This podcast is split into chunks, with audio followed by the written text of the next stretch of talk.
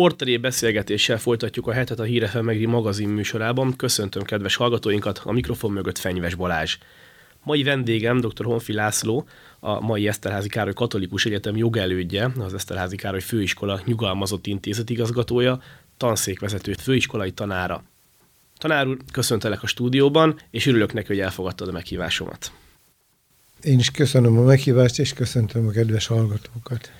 Mindenek előtt engedjék meg, kedves hallgatóink, hogy magyarázattal szolgáljak, amiért nyugdíjas korú vendégemet tegezem. Amikor az Eszterházin 2008-ban elvégeztem a sportszervező szakot, a sikeres államvizsga után csoporttársaimmal tartottunk egy nem hivatalos rászáró rendezvényt a Szépasszonyvölgyben, ahol legtöbb tanárunk is megjelent. A Sporttudományi Intézet igazgatóját akkor dr. Honfi Lászlónak hívták, és amikor elkészült a bográcsétel, majd megtörténtek az első kocintások, tanár úr mindenkivel letegeződött, ezzel is szemléltetve, hogy a továbbiakban megszűnik a tanár-hallgató viszony, hiszen onnantól kollégákká váltunk a sporttudomány világában. Nem mindenki tudott váltani a magázódásból, viszont nekem személy szerint is nagyon könnyen ment, mert a főiskolai évek alatt is egy rendkívül közvetlen és igazán emberi szemét ismerhettem meg benne. Azt gondolom, többek között emiatt is emlékszik vissza jó szívvel a legtöbb egri korábbi sportszakos, akit tanított dr. Honfi László. Tanár úr, hogyan telnek manapság a napjaid? Nyugdíjasként tulajdonképpen nyugdíjasok általában mindig rohannak és úgy tesznek, mintha nem érnének rá. Én ráérek, igyekszem mindenre időt szakítani. Nem tudtam abba hagyni a hobbimat és a munkámat. Jelenleg is dolgozom. Debreceni Egyetemen akkor indult a testnevelő tanárképzés, amikor én nyugdíjba mentem az EGRI, egy, akkor még főiskoláról, és hívtak, hogy menjek segíteni a torna gimnasztika beindításánál, meglökni a hintát, és ott ragadtam. Heti egy napot töltök lenn. Én úgy gondolom, hogy igaza volt annak a japán tudósnak, aki 106 évig élt, és a hosszú élet titkát kutatta, és a kutatásait több évtizedes kutatását egy mondattal úgy foglalta össze, hogy ha, nyugd... ha sokáig akarsz élni, nem menj nyugdíjba. Most nem a nyugdíjról szól a történet, hanem az aktív öregkorról. Fel kell öltözni, ki kell mozdulni, használni kell a szürke állományt, nem pedig egy tévétávkapcsolóval éli az ember a mindennapjait. Én úgy gondolom, hogy enélkül sokkal gyorsabban öregednék. Ráadásul fiatalok között van az ember lélekben, lassabban öregszik, rendes kollégák vannak, nagyon normális, sőt, extra infrastruktúrális körülmények, hallgatók is nagyon szép számmal vannak, nem minden intézményben van ez így, de itt hál' Istennek nincsenek beiskolázási gondok, és tulajdonképpen ez tölti ki az életemet, készülök arra az egy napra, amikor lemeltek dolgozni. Azon kívül természetesen élem a nyugdíjasok életét, családdal, mindennapi teendőkkel. E, tulajdonképpen azt kell mondanom, hogy egy, egy boldog nyugdíjas vagyok. Azok kedvéért, akik nem ismernek, mesélni egy kicsit életed fiatal koráról? Honnan származol, és hogyan teltek a gyermekévek? Bármilyen furcsa, én is voltam fiatal, és engem se a gólya hozott. Egy szabolcsi kisfaluba születtem, Tímár nevű falu, ez Tokajtól és Rakamosztól 5 kilométerre van a Tisza parton, de már a Szabolcsi oldalon és a Bodrogzugban értem le a gyerekkoromat, Bodrog és a Tisza összefolyásánál. Fekete István regény jut eszembe mindig erről a vidékről. Nagyon szép gyerekkorom volt, 14 éves koromig laktunk Tímáron. Ott, ott végeztem az általános iskolát, egy nagyon jó tanári kar volt, igen alapos képzést adtak, meglepő egy falusi iskolától. 14 éves koromban édesapám bekerült a Nyíregyházi Főiskolára és akkor beköltöztünk Nyíregyházára, ott a gyakorlóiskolába egy évet tanultam, aztán a Zrínyi gimnáziumba kerültem középiskolásként, egy angol kisasszony gimnáziumban az első fiú folyam voltunk, 37 lány, meg 5 fiú, egész jó ivaраrány volt. Nem tudtak sajnálni. Igen. Nagyon erős osztály volt, orosz tagozatos osztály volt, és minden osztálytársam egyetemre ment. Tehát 4,3 volt az érettségi átlag az osztálynak, egy nagyon jó osztály volt, és tulajdonképpen tornász pályafutásom is ott indult a középiskolába, elég későn kezdtem el tornázni, mert előtte fociztam, egész jól ment, Nyíregyházán nagyon le akartak igazolni a futbolisták, de lányokkal együtt volt a tornaedzés, és ott jobban éreztem magam. Vége volt a négy évnek, osztályfőnököm szeretette volna, ha katonatiszt leszek, ö, férje is az volt, én viszont este meg akartam lenni. Hát, hogy engem úgyse vesznek fel, mondta az osztályfőnök. Én azért felkészültem, megpróbáltam abban az évben országos középiskolás tornászbajnokságot nyertem, tehát ez is segített a felvételibe, ezt nem szabad letagadni, és elsőre bekerültem, előtte egy év katonaság, négy év TF, életem egyik legszebb időszaka volt. Valószínű azért, mert nagyon intenzíven éli meg az ember a élményeit, és ezek nagyon maradandó emlékek lesznek. Tehát tényleg egy boldogságos négy év volt. Aztán ezután egyből Egerbe kerültem a főiskolára. Volt állásom Szombathelyen tornaedzőként, Pesten a Vasasba tornaedzőként állásajánlat, Békés Csabára hívtak tornaedzőnek, még lakást is ígértek. Én inkább végül is ezt az egri hívást választottam, megkerestek a TFN, a torna, nem a torna tanszéken, hanem a e, labdarúgó tehát a játéktanszék, sportjátéktanszék labdarúgó kollégái között kérdezték meg, hogy melyik tornászt javasolnák Egerbe, és a futbolisták engem javasoltak. Én úgy gondoltam, hogy azért ritkán kerül be az ember a felsőoktatásba. Felsőoktatás mellett edzősködhetek is, ami a másik hobbim. Mm, igazából Egerbe még kirándulni se voltam addig, tehát a e, ismeretlenbe léptem bele, de így utólag azt kell mondanom, nem, nem bántam meg, egy nagyon jól működő intézménybe kerültem, mellette tudtam edzősködni, egy egész szép tornaéletet sikerült megvalósítani annak idején. Feleségem tornász volt, vele együtt csináltuk a esélybe a tornát a fiatalabbaknak, mellett a főiskolán is tornász, tornaedzéseket tartottam, hogy este kilencre minden nap otthon voltam már.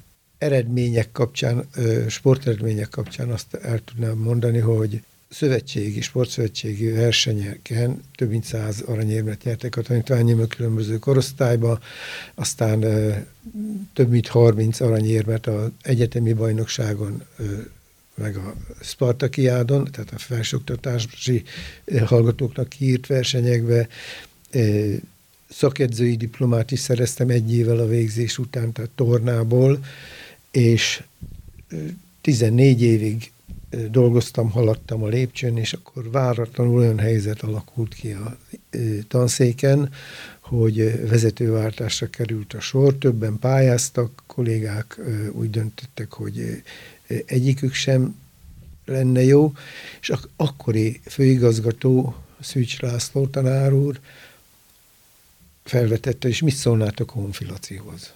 Kiküldtek, és öt perc múlva én lettem a tanszékvezető, tehát nem is akartam tanszékvezető lenni. Sokan féltettek, mert halkszavú voltam, fiatal, 37 évesen, akkor nem, nem sokan voltak tanszékvezetők. Az utánam következő legfiatalabb tanszékvezető 55 éves volt. Tehát ilyen, bocsánat a kifejezésére, de kihalásos alapon ment a tanszékvezetés. Végül is ö, sikerült hangos szó nélkül 27 évig vezetni a tanszéket, amiből később intézetet csináltunk, egy három tanszékes intézetet. Volt olyan két-három év, hogy több mint egy milliárd forintot építettünk be infrastruktúrába, mikor abban az időszakban a legjobban ellátott intézmény voltunk a sportszakos képzést végző intézmények közül, létesítményt tekintve. Mikor nyugdíjba mentem, 1300 sportszakos hallgatóval adtam át a stafétabotot. Öt szakon képeztünk sportszakembereket, köztük egyetemi szinten saját jogon testvértanárképzést is jó híre volt az intézménynek, a szájreklám az működik. Rengetegen jelentkeztek hozzánk, de a szájreklámról el kell mondani, hogy másik irányba is képes működni. Tehát ezért érdemes jól dolgozni és normális életet élni, mert ez, ez idővel visszajön. Elég sok mindent elmondtál tanárul az elmúlt néhány percben, elég nagy időtávlatokban, de azért egy picit lassítanám az időt, vagy visszaforgatnám. Én amíg is. A, amíg a fiatalabb időszakra. Azt említetted, hogy édesapád Nyíregyházán tanszékvezető volt, azt nem mondtad, hogy édesanyád is pedagógus volt. Az, hogy ők mind a ketten tanárok voltak, ez, ez egy fontos döntés volt az életedben, hogy te magad is az legyél? Fontos volt. Édesapám ő tanár volt, ő iskolaigazgató is volt falun. Édesanyám bölcsődébe dolgozott, tehát így került a idézőjelve pedagógiai pályára. Láttam, hogy sok szép dolgot el lehet így érni ezen a területen, meg a testnevelő tanárom is olyan volt általános iskolában és középiskolában is, aki példaképként akikre példaképként lehetett tekinteni, az is befolyásolt. Én úgy gondolom, hogy több oldalról kaptam impulzust ehhez a professzióhoz. Semmiképpen nem bántam meg, bár fiam látta, hogy azért a tanárok nem túl vastag pénztárcával járnak, és ő elhatározta, hogy nem lesz tanár. Apja anyja testnevelő tanár, fogorvos lett, itt a szomszédban Moson Magyaróváron él, hm. úgyhogy ha messzebb akart volna menni, akkor külföldre kellett volna. Igazából én úgy gondolom a családi háttér Porteré beszélgetéssel folytatjuk a hetet a Híre Megri magazin műsorában. Köszöntöm kedves hallgatóinkat, a mikrofon mögött Fenyves Balázs.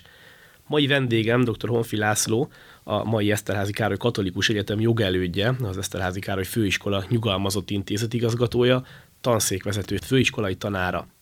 Tanár úr, köszöntelek a stúdióban, és örülök neki, hogy elfogadtad a meghívásomat. Én is köszönöm a meghívást, és köszöntöm a kedves hallgatókat.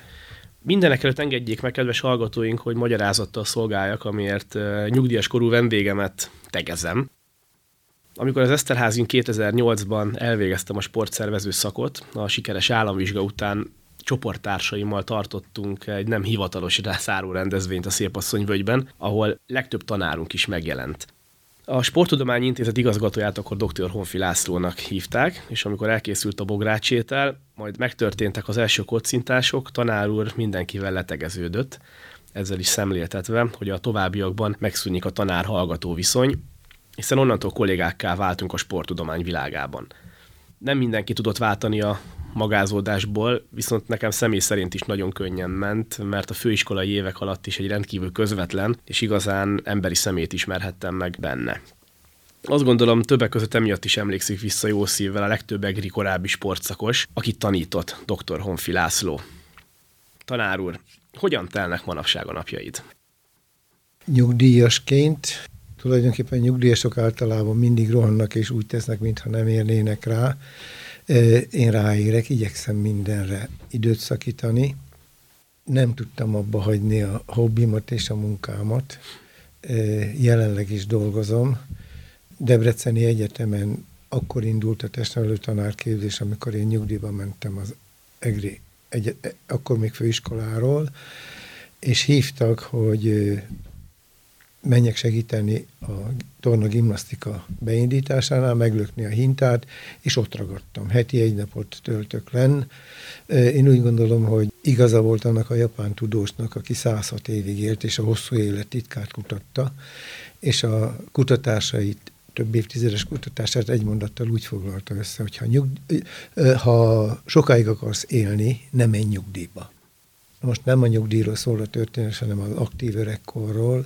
Fel kell öltözni, ki kell mozdulni, használni kell a szürke állományt, nem pedig egy tévétávkapcsolóval éli az ember a mindennapjait. Én úgy gondolom, hogy enélkül sokkal gyorsabban öregednék.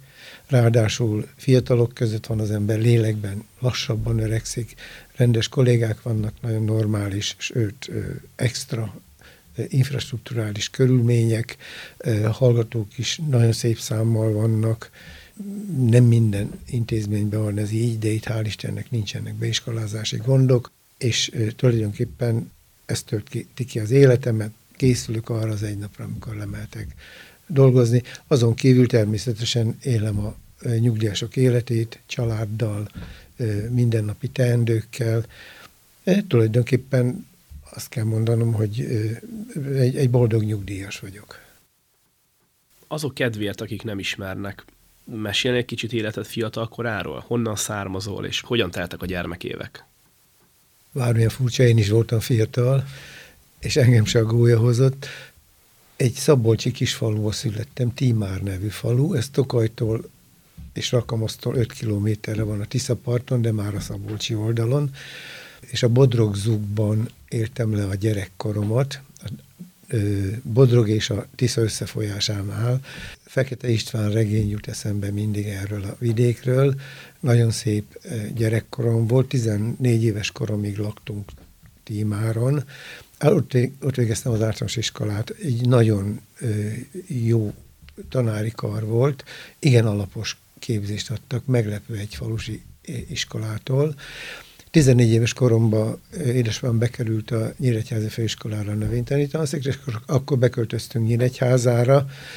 Ott a gyakorlóiskolába egy évet tanultam, aztán a Zrínyi gimnáziumba kerültem középiskolásként. Egy angol kisasszony gimnáziumban az első fiú folyam voltunk, 37 lány, meg 5 fiú, egész jó ivararány volt. Nem tudtak sajnálni. Igen. Nagyon erős osztály volt, orosz tagozatos osztály volt, és minden osztálytársam egyetemre ment. Tehát 4,3 volt az érettségi átlag az osztálynak, egy nagyon jó osztály volt, és tulajdonképpen tornász pályafutásom is ott indult a középiskolába, elég későn kezdtem el tornázni, mert előtte fociztam, egész jól ment, Nyíregyházán nagyon le akartak igazolni a futbolisták, de lányokkal együtt volt a tornaedzés, és ott jobban éreztem magam. Vége volt a négy évnek, ö, osztályfőnököm szeretette volna, ha katonatiszt leszek. Ö, férje is az volt, én viszont este meg akartam lenni. Hát, hogy engem úgyse vesznek fel, mondta az osztályfőnök. Én azért felkészültem, megpróbáltam abban az évben országos középiskolás tornászbajnokságot nyertem, tehát ez is segített a felvételibe, ezt nem szabad letagadni, és ö, elsőre bekerültem, előtte egy év katonaság, négy év TF, életem egyik legszebb időszaka volt. Valószínű azért, mert nagyon intenzíven éli meg az ember a élményeit, és ezek nagyon maradandó emlékek lesznek. Tehát tényleg egy boldogságos négy év volt. Aztán ezután egyből Egerbe kerültem a főiskolára. Volt állásom Szombathelyen tornaedzőként, Pesten a Vasasba tornaedzőként állásajánlat, Békés Csabára hívtak tornaedzőnek, még lakást is ígértek. Én inkább végül is ezt az egri hívást választottam, megkerestek a TFN, a torna, nem a torna tanszéken, hanem a e, labdarúgó, e, tehát a játéktanszék, sportjátéktanszék labdarúgó kollégái között kérdezték meg, hogy melyik tornászt javasolnák Egerbe, és a futbolisták engem javasoltak. Én úgy gondoltam, hogy azért ritkán kerül be az ember a felsőoktatásba. Felsőoktatás mellett edzősködhetek is, ami a másik hobbim. Mm, igazából Egerbe még kirándulni se voltam addig, tehát a e, ismeretlenbe léptem bele, de így utólag azt kell mondanom, nem, nem bántam meg, egy nagyon jól működő intézménybe kerültem, mellette tudtam edzősködni, egy egész szép tornaéletet sikerült megvalósítani annak idején. Feleségem tornász volt, vele együtt csináltuk a esélybe a tornát a fiatalabbaknak, mellett a főiskolán is tornázéseket tartottam, hogy este kilencre minden nap otthon voltam már. Eredmények kapcsán, sporteredmények kapcsán azt el tudnám mondani, hogy szövetségi, sportszövetségi versenyeken több mint száz aranyérmet nyertek a tanítványim a különböző korosztályba, aztán több mint 30 aranyérmet az egyetemi bajnokságon meg a Spartakiádon, tehát a felsőoktatási hallgatóknak kiírt versenyekbe, szakedzői diplomát is szereztem egy évvel a végzés után, tehát tornából, és 14 évig dolgoztam, haladtam a lépcsőn, és akkor váratlanul olyan helyzet alakult ki a tanszéken, hogy vezetőváltásra került a sor, többen pályáztak, kollégák úgy döntöttek, hogy egyikük sem lenne jó, és ak- akkori főigazgató, Szűcs László tanár úr felvetette, és mit szólnátok a honfilacihoz. Kiküldtek, és öt perc múlva én lettem a tanszékvezető, tehát nem is akartam tanszékvezető lenni. Sokan féltettek, mert halkszavú voltam, fiatal, 37 évesen, akkor nem, nem sokan voltak tanszékvezetők, az utánam következő legfiatalabb tanszékvezető 55 éves volt. Tehát ilyen, bocsánat a kifejezésére, de kihalásos alapon ment a tanszékvezetés. Végül is ö, sikerült hangos szó nélkül 27 évig vezetni a tanszéket, amiből később intézetet csináltunk, egy három tanszékes intézetet. Volt olyan két-három év, hogy több mint egy milliárd forintot építettünk be infrastruktúrába, eh, mikor eh, abban az időszakban a legjobban ellátott intézmény voltunk a sportszakos képzést végző intézmények közül, létesítményt tekintve. Mikor nyugdíjba mentem, 1300 sportszakos hallgatóval adtam át a stafétabotot. Öt szakon képeztünk sportszakembereket, köztük egyetemi szinten saját jogon testvértanárképzést is jó híre volt az intézménynek. A szájreklám az működik. Rengetegen jelentkeztek hozzánk, de a szájreklámról el kell mondani, hogy másik irányba is képes működni.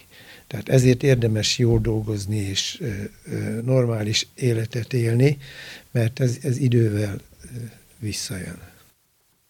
Elég sok mindent elmondtál tanárul az elmúlt néhány percben elég nagy időtávlatokban, de azért egy picit lassítanám az időt, vagy visszaforgatnám. Én amíg is. A, amíg a fiatalabb időszakra. Azt említetted, hogy édesapád Nyíregyházán tanszékvezető volt, azt nem mondtad, hogy édesanyád is pedagógus volt. Az, hogy ők mind a ketten tanárok voltak, ez, ez egy fontos döntés volt az életedben, hogy te magad is az legyél? Fontos volt. Édesapám ő tanár volt, ő iskolaigazgató is volt falun. Édesanyám bölcsődébe dolgozott, tehát így került a idézőjelve pedagógiai pályára. Láttam, hogy sok szép dolgot el lehet így érni ezen a területen, meg a testnevelő tanárom is olyan volt általános iskolában és középiskolában is, aki példaképként akikre példaképként lehetett tekinteni, az is befolyásolt. Én úgy gondolom, hogy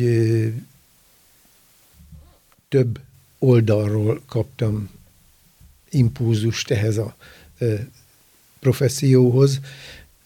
Semmiképpen nem bántam meg, bár a fiam látta, hogy azért a tanárok nem túl vastag pénztárcával járnak, és ő elhatározta, hogy nem lesz tanár. Apja, anyja testnevelő tanár, fogorvos lett, itt a szomszédban Moson Magyaróváron él, úgyhogy ha messzebb akart volna menni, akkor külföldre kellett volna.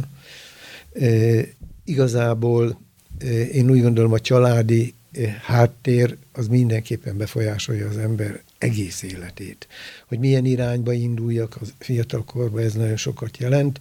Én sok segítséget kaptam a szüleimtől, családomtól, később a munkám során, tehát a, a családi háttér az, az nagyon fontos indulásnál is, meg munka közben is.